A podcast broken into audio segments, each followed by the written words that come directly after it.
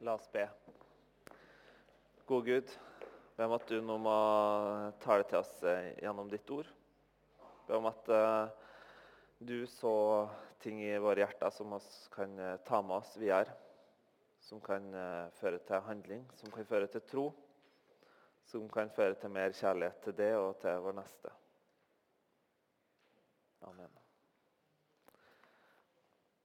Vi skal også fra apostlenes gjerninger, kapittel 1.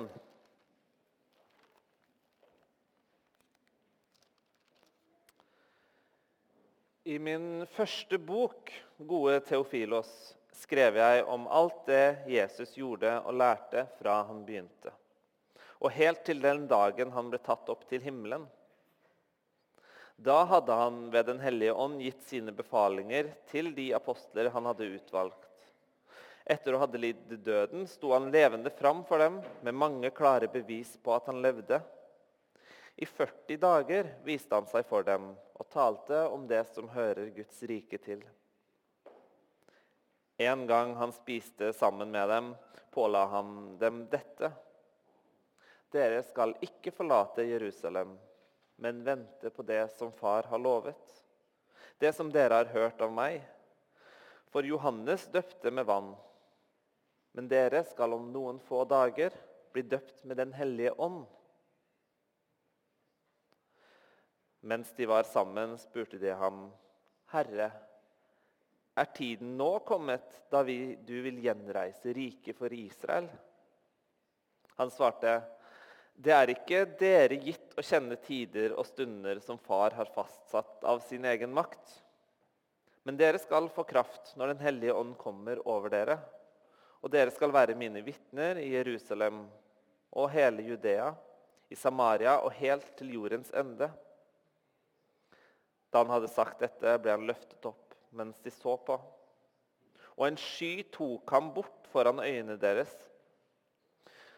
Som de nå sto og stirret mot himmelen mens han dro bort, sto med ett to menn i hvite klær foran dem og sa, Galileere, hvorfor står dere her og ser mot himmelen? Denne Jesus som ble tatt bort fra dere opp til himmelen, han skal komme igjen på samme måte som dere har sett ham fare opp til himmelen. Da vendte de tilbake til Jerusalem, fra den høyden som heter Oljeberget, og ligger nær Jerusalem, bare en sabbatsreise unna.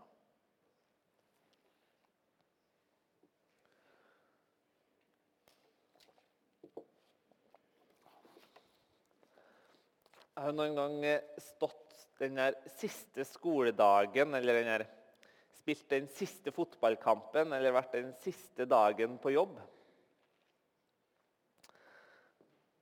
Jeg husker når jeg var på siste dagen på folkehøgskolen. Jeg tror det er noen her i salen som jeg vet har det ganske klart i minnet nå. Iallfall to jeg har sett som er ferdig, akkurat ferdig med folkehøgskole. Og den der følelsen av at nå er liksom det her slutt. Det her som skulle vare evig. Det her som var så fantastisk. Nå må jeg dra. Og det dukker opp tårer som du aldri har visst at du har. Og du lengter tilbake med varme minner og gode følelser på det året som har vært. Kanskje har dere det litt sånn nå, dere tre som er konfirmanter.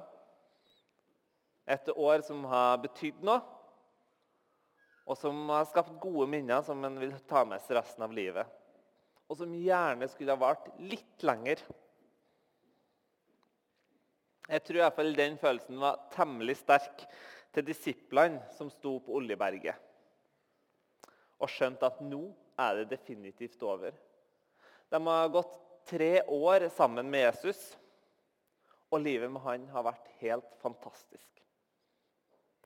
Har, de har sett eh, blinde få synet tilbake. De har sett lamme gå. De har sett utstøtte bli inkludert. De har sett fattige bli reist opp og gitt verdighet.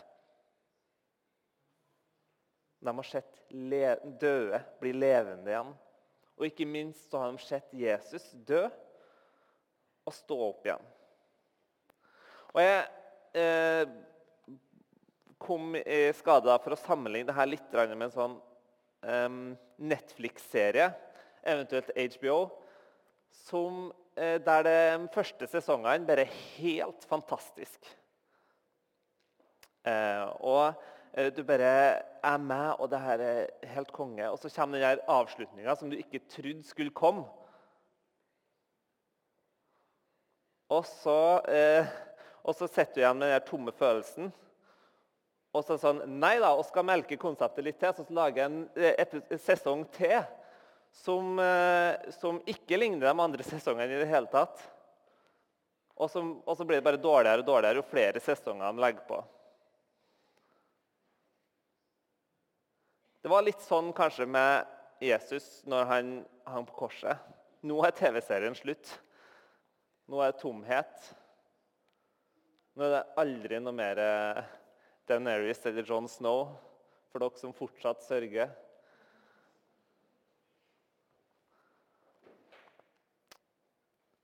Men så kommer det en sesong til. Det er bare at Den sesongen som har vært de siste 40 dagene for disiplene, det var den sesongen da alt gikk opp. Da alle løse tråder kom, kom sammen igjen. Og så bare Yes! Nå er det fryd og glede. Jesus har stått opp igjen. Nå skal vi ut og vinne verden. Nå skal vi gjenreise Israel til en stolt nasjon igjen. Og så stikker han. En ny sesongfinale.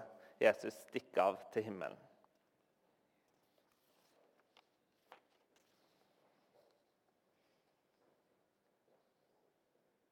Fordi det kunne ikke vare evig. Jesus måtte dra. Og her står oss. Og så er det starten av apostelens gjerninger. Eh, Lukas, som skrev Lukasevangeliet, han eh, har også skrevet apostelens gjerninger. og da, eh, Det er altså andre bind. For historien om Jesus den er ikke slutt, selv om han får opp til himmelen. Historien om Jesus har først har nettopp starta. Og det skrives sesong på sesong på sesong med Jesus sitt virke i verden. Og oss er her, midt i det store dramaet. Midt i Jesus sin misjon med verden.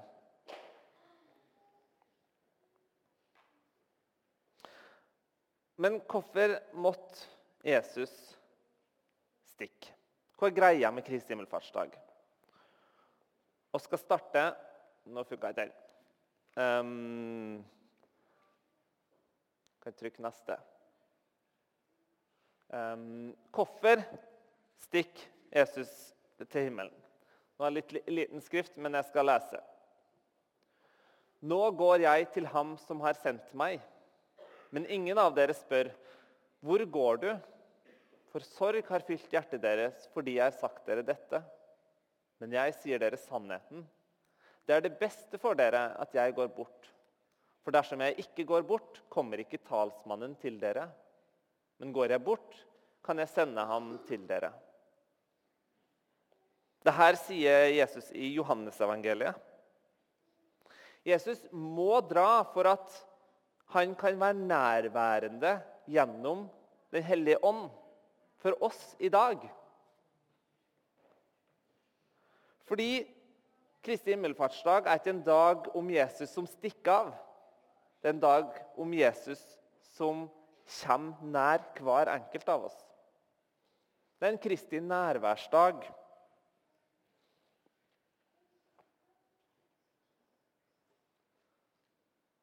Det er til beste for dere, sier han.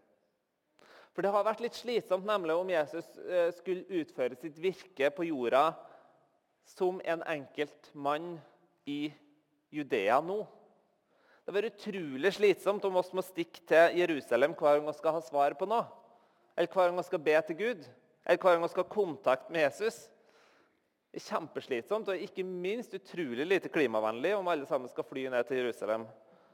Dessuten tar det utrolig lang tid å komme seg gjennom sikkerhetskontrollen. Og så skjer en annen ting. Jesus blir opphøyd til sin rettmessige plass. Etter at Herren Jesus hadde talt med dem, ble han tatt opp til himmelen og satte seg ved Guds høyre hånd. Men de gikk ut og forkynte overalt. Og Herren virket med og stadfestet ordet gjennom de tegn som fulgte. Det er det Markus skriver til de siste ordene i sitt evangelium.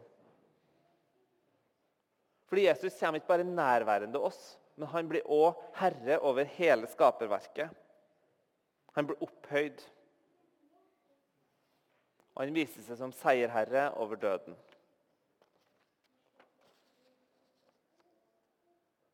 Men hva har dette å si for oss?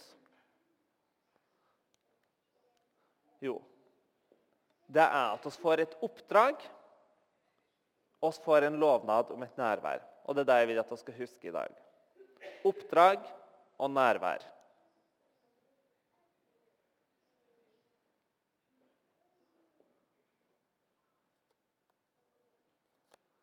Som det står, Nå står det feil bibelsitat der, men det her er fra dagens tekst. Men dere skal få kraft ved Den hellige ånd når Den hellige ånd kommer over dere. Og dere skal være mine vitner i Jerusalem og hele Judea, i Samaria og helt til jordens ende. Lovnaden om nærvær og, lov, og oppdraget er tett knytta sammen. Ingen oppdrag uten nærvær, ingen nærvær uten oppdrag.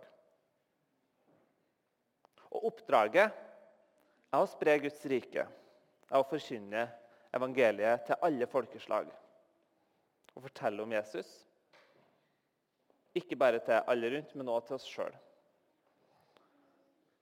Jeg husker når jeg var 14 år og var på Impuls. På scenen så var det ledere som var sånn i 20-åra. Og de eh, snakka om hvordan de fulgte Jesus, om hvordan eh, eh, skulle være disipler. Og så husker jeg tenkt Ja, det vil jeg jo være. Jeg vil være en disippel. Jeg vil følge Jesus. Jeg vil gå med Guds godhet ut til verden. Men det er egentlig litt slitsomt akkurat nå, for akkurat nå så er det mer enn nok med å komme gjennom både pubertet og ungdomsskole. Og Det er fryktelig travelt, men når jeg blir voksen, da skal jeg i hvert fall. Da skal jeg følge Jesus. Og Så kom eh, videregående. Og da skulle jeg iallfall følge Jesus. Men det var bare at da skulle jeg jo ta masse ekstrafag, for at jeg skulle ha alle muligheter å åpne for studier. Og siden jeg gikk på Øya, så måtte jeg da ta masse ekstrafag i tillegg. Så da har jeg ikke tida til å følge Jesus. Men jeg tenkte når jeg blir student, da skal jeg følge Jesus. Så ble jeg folkehøgskolestudent. Og da ble det liksom Nå skal jeg ta vare på meg sjøl, for nå har, jeg, nå har, jeg, brukt så mye tid eh, på videregående og ungdomsskolen på laget, og alt mulig sånn, så nå skal jeg ta vare på meg sjøl. Når jeg er ferdig med det, så skal jeg følge Jesus. Og så kom studietida. Og så begynner den voksne tanken som kun voksne har. Eller som du vet at du er voksen når du begynner å få den tanken. Jeg må jo få lov å kose meg litt. Så finner du fram mokabønner og fyrstekake og kaffe, og så sitter du der. Og så begynner han å lengte tilbake på liksom ungdomstida. Det er som, da fulgte Jesus. Da har jeg brannende engasjement. Akkurat nå så har jeg mer enn nok med eksamenstid. Jeg har mer enn nok på å finne meg sjøl. Og det er så mange standarder å leve opp til. Disiplene fikk beskjed om å vente og sitte i ti dager. Ti dager av kirkeåret som er fullstendig glemt. Ingen, ingen som snakker om de ti dagene mellom Kristi himmelfartsdag og første pinsedag. Er det noen som vet hvorfor? Jeg tror jeg vet hvorfor. Det skjedde ikke en dritt. Det skjedde ikke en dritt mens de satt der og fulgte eh, og, fulgt, eh, og venta på Den hellige ånd. De valgte en ny apostel, men han hører ikke oss om sida. Så tydeligvis ikke så uh, vellykka. Jeg vet ikke. Men ellers så gjorde de ingenting, tydeligvis. De satt og var redde. Og det er en grunn til at vi ikke snakker om den perioden, for den var midlertidig. Men faktum er at veldig mange av oss lever som om det er mellom Kristi himmelfartsdag og første pinsedag. Venter på den store åpenbaringen. Venter på at eksamen skal bli slutt. Venter på at eh, jeg har økonomien nok på stell.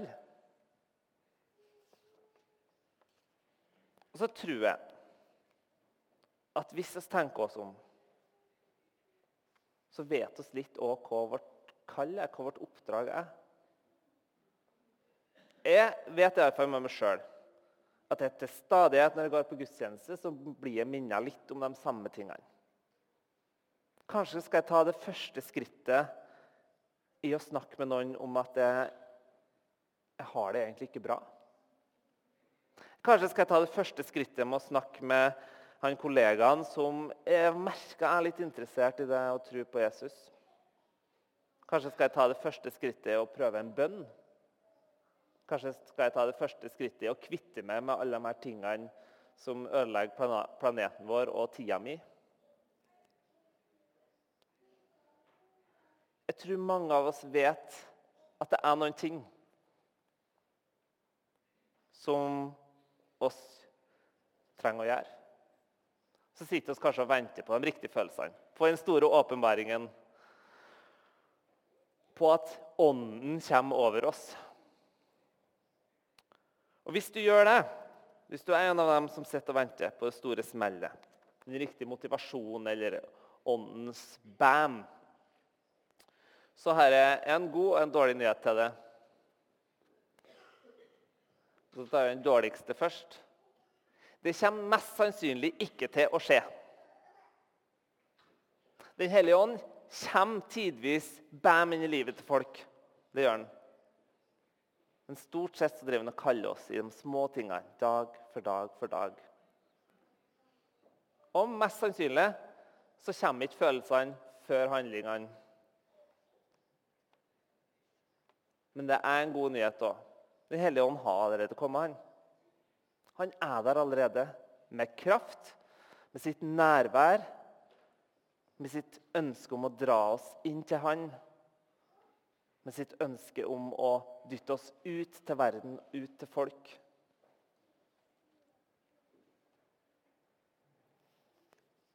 Og da har jeg da eh, tenkt at dagens første budskap når det gjelder oppdraget Da eh, låner jeg eh, reklamen litt og bruker Nike Ja.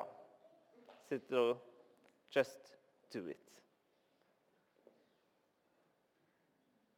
Og så tenkte jeg jeg kan ikke, jeg kan ikke stå her eh, totalt uten integritet. Så jeg tenkte da skal jeg si en ting som jeg har måttet jobbe med. Og det, det er Jeg vet ikke om den er med nå, men Nei. Mobiltelefonen min er ikke her. Det er overraskende. Eh, men jeg har en utfordring, og det er at jeg er mobilavhengig. Jeg blir sykt hekta og kan scrolle, scrolle, scrolle. scrolle, Spesielt sånn Facebook-videoer der, som, som der neste begynner med en gang etter før jeg er ferdig. Og Det er en utfordring eh, rett før jeg skal sove, og rett etter jeg har stått opp. Derfor har jeg bestemt meg for at jeg kan ikke la mobilen lade rett attmed rett attmed um, senga. Og um, um, Fordi da blir jeg liggende. Og Jeg vil ikke at det siste jeg uh, sjekker før jeg legger meg, er liksom en Instagram-feed om noen som har det kjempebra. Eller at det første jeg våkner til, er å lese om atter en begredelig eh, kamp som Rosenborg har spilt, der det er atter en eller annen som driver og graver seg ned. Jeg har lyst til å starte, avslutte dagen min med en liten bønn. Jeg har lyst til å starte dagen min med å lese Bibelen og unngå at mobilen blir det. Og Da har jeg bestemt meg for at jeg er nødt til å kjøpe meg en vekkerklokke. Men jeg har brukt et år nå på liksom å tenke sånn Hvilken vekkerklokke skal jeg ha? Skal jeg ha DAB-radio? Og så er Det liksom, det er jo ikke så miljøvennlig, kanskje, med sånn stor duppeditt. Men da kanskje jeg skal ha en sånn analog. Gå helt hipster-style. Og så tenkte jeg, så tenkte jeg når jeg satt og skrev der, vet du, det blir for dumt, jeg må jo bare kjøpe noe. Så i går så gikk jeg på Claes Olsson. Så kjøpte jeg alarmklokke. og Den skal jeg begynne å bruke nå, så skal jeg lade mobilen i et annet rom når jeg sover. Så har jeg iallfall tatt ett skritt. Ja. Det er den kristne versjonen. Um, yes. Så det siste det er det med Guds nærvær. Og Guds nærvær er så gjennomtrengende i hele Bibelen. Det første navnet Gud får, det er Hagar. Hun er slavekvinne som har blitt litt Jeg vet ikke hvor frivillig det er, men hun har iallfall blitt mor til sønnen til Abraham. Eh, fordi det tenkte han var en eh, god idé. Eh, og nå er hun blitt upopulær og støtt ut av klanen. Og kvinne, alenemor, slave i tillegg, det bør ikke gå bra. Men når hun er der i ørkenen, så møter hun Gud. Og da sier hun det første navnet som blir gitt på Gud, er 'Du er en Gud som ser meg'. Gud er en Gud som ser oss når oss er i det laveste. Og så er det Josva. Han er som har fått et oppdrag som er altfor stort for seg. Som skal føre israelsfolket inn i det lovede land og være leder. Og Da kommer Gud til henne og sier, 'Vær modig og sterk'. La deg ikke skremme, mist ikke motet. Han kunne stoppa der, men da blir alt sammen opp til Josfa. Men alt var ikke opp til Josfa, fordi at Gud lovte òg For Herren din Gud er med deg overalt hvor du går. Og Jeremia, han som var altfor ung, men ble kalt til å gi et ramsalt budskap til de politiske lederne i landet. Han sier Gud, vær ikke redd for dem, for jeg er med deg og skal berge deg, sier Herren. For Gud er en Gud som er med. Og det kommer jo med lovnaden om Jesus, som blir kalt Immanuel. På hebraisk er det Gud med oss. Gud er med deg. Gud er med dere tre konfirmanter. Gud er med familiene. Og Gud er med alle her hver dag. Når det er skikkelig tungt, og når det er skikkelig bra. Når du får til ting, når du ikke får til ting. Når du har tatt valg som du bare skjønner at det der det får svi for resten av livet. Da er Gud der. Han er en Gud som reiser opp, som gir verdighet som tar vekk skam, og som ønsker å bekrefte oss. Og Det siste Jesus sier i Matteusevangeliet, er og se, jeg er med dere alle dager inntil verdens ende. Ved sin Hellige Ånd. Oss lever ikke mellom Kristi himmelfartsdag og pinsedag. Oss lever etter pinsedag så fått Den hellige ånd. Jesus er nær oss her og nå. Og når mørket kanskje ser ut til å vinne, når alt ser mørkt ut, da kan du se opp på Gud, på Jesus. Han som troner som herre over skaperverket, men også som er nær oss hver enkelt. Og som ønsker å være vår nærmeste venn og vår veileder i livet. Amen.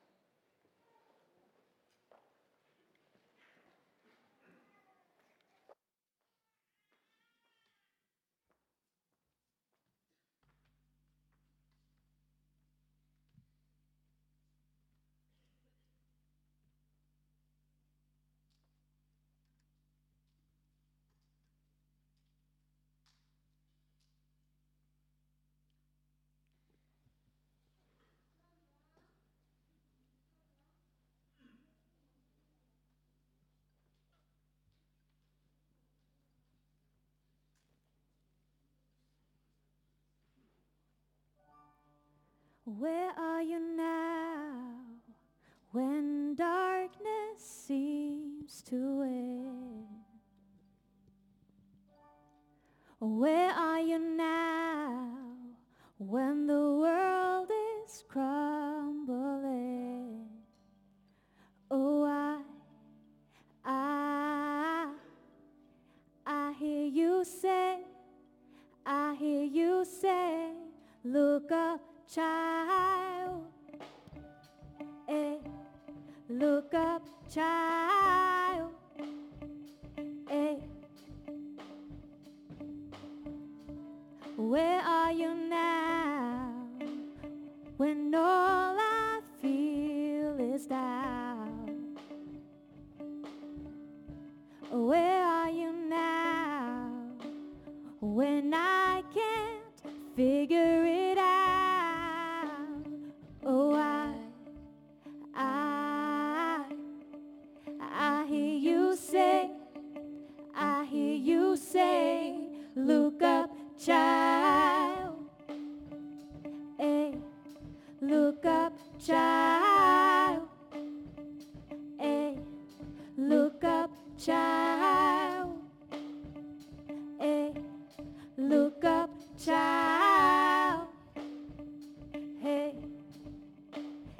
you're not threatened by the war, you're not shaken by the storm. I know you're in control.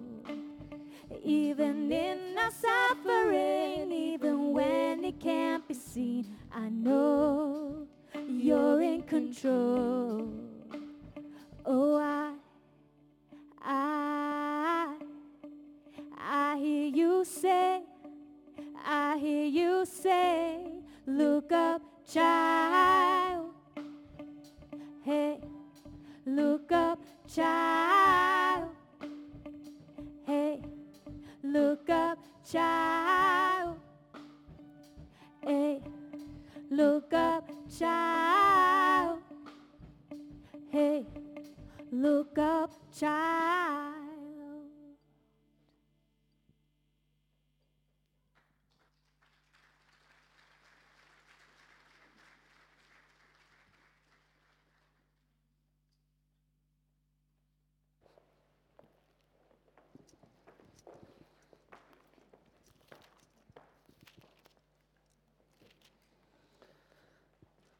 Da skal vi be for eh, konfirmantene våre.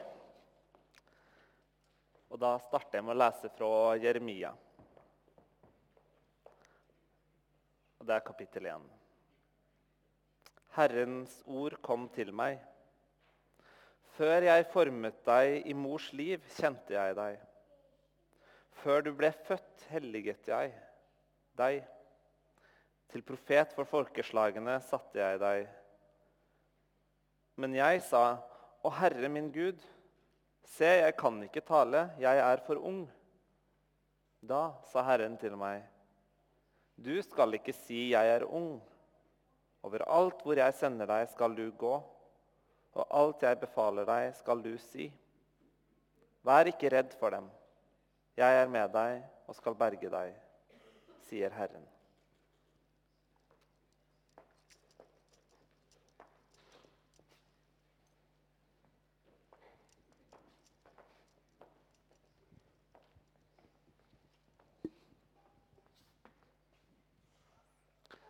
kan Ingrid få komme opp, så skal vi be for det.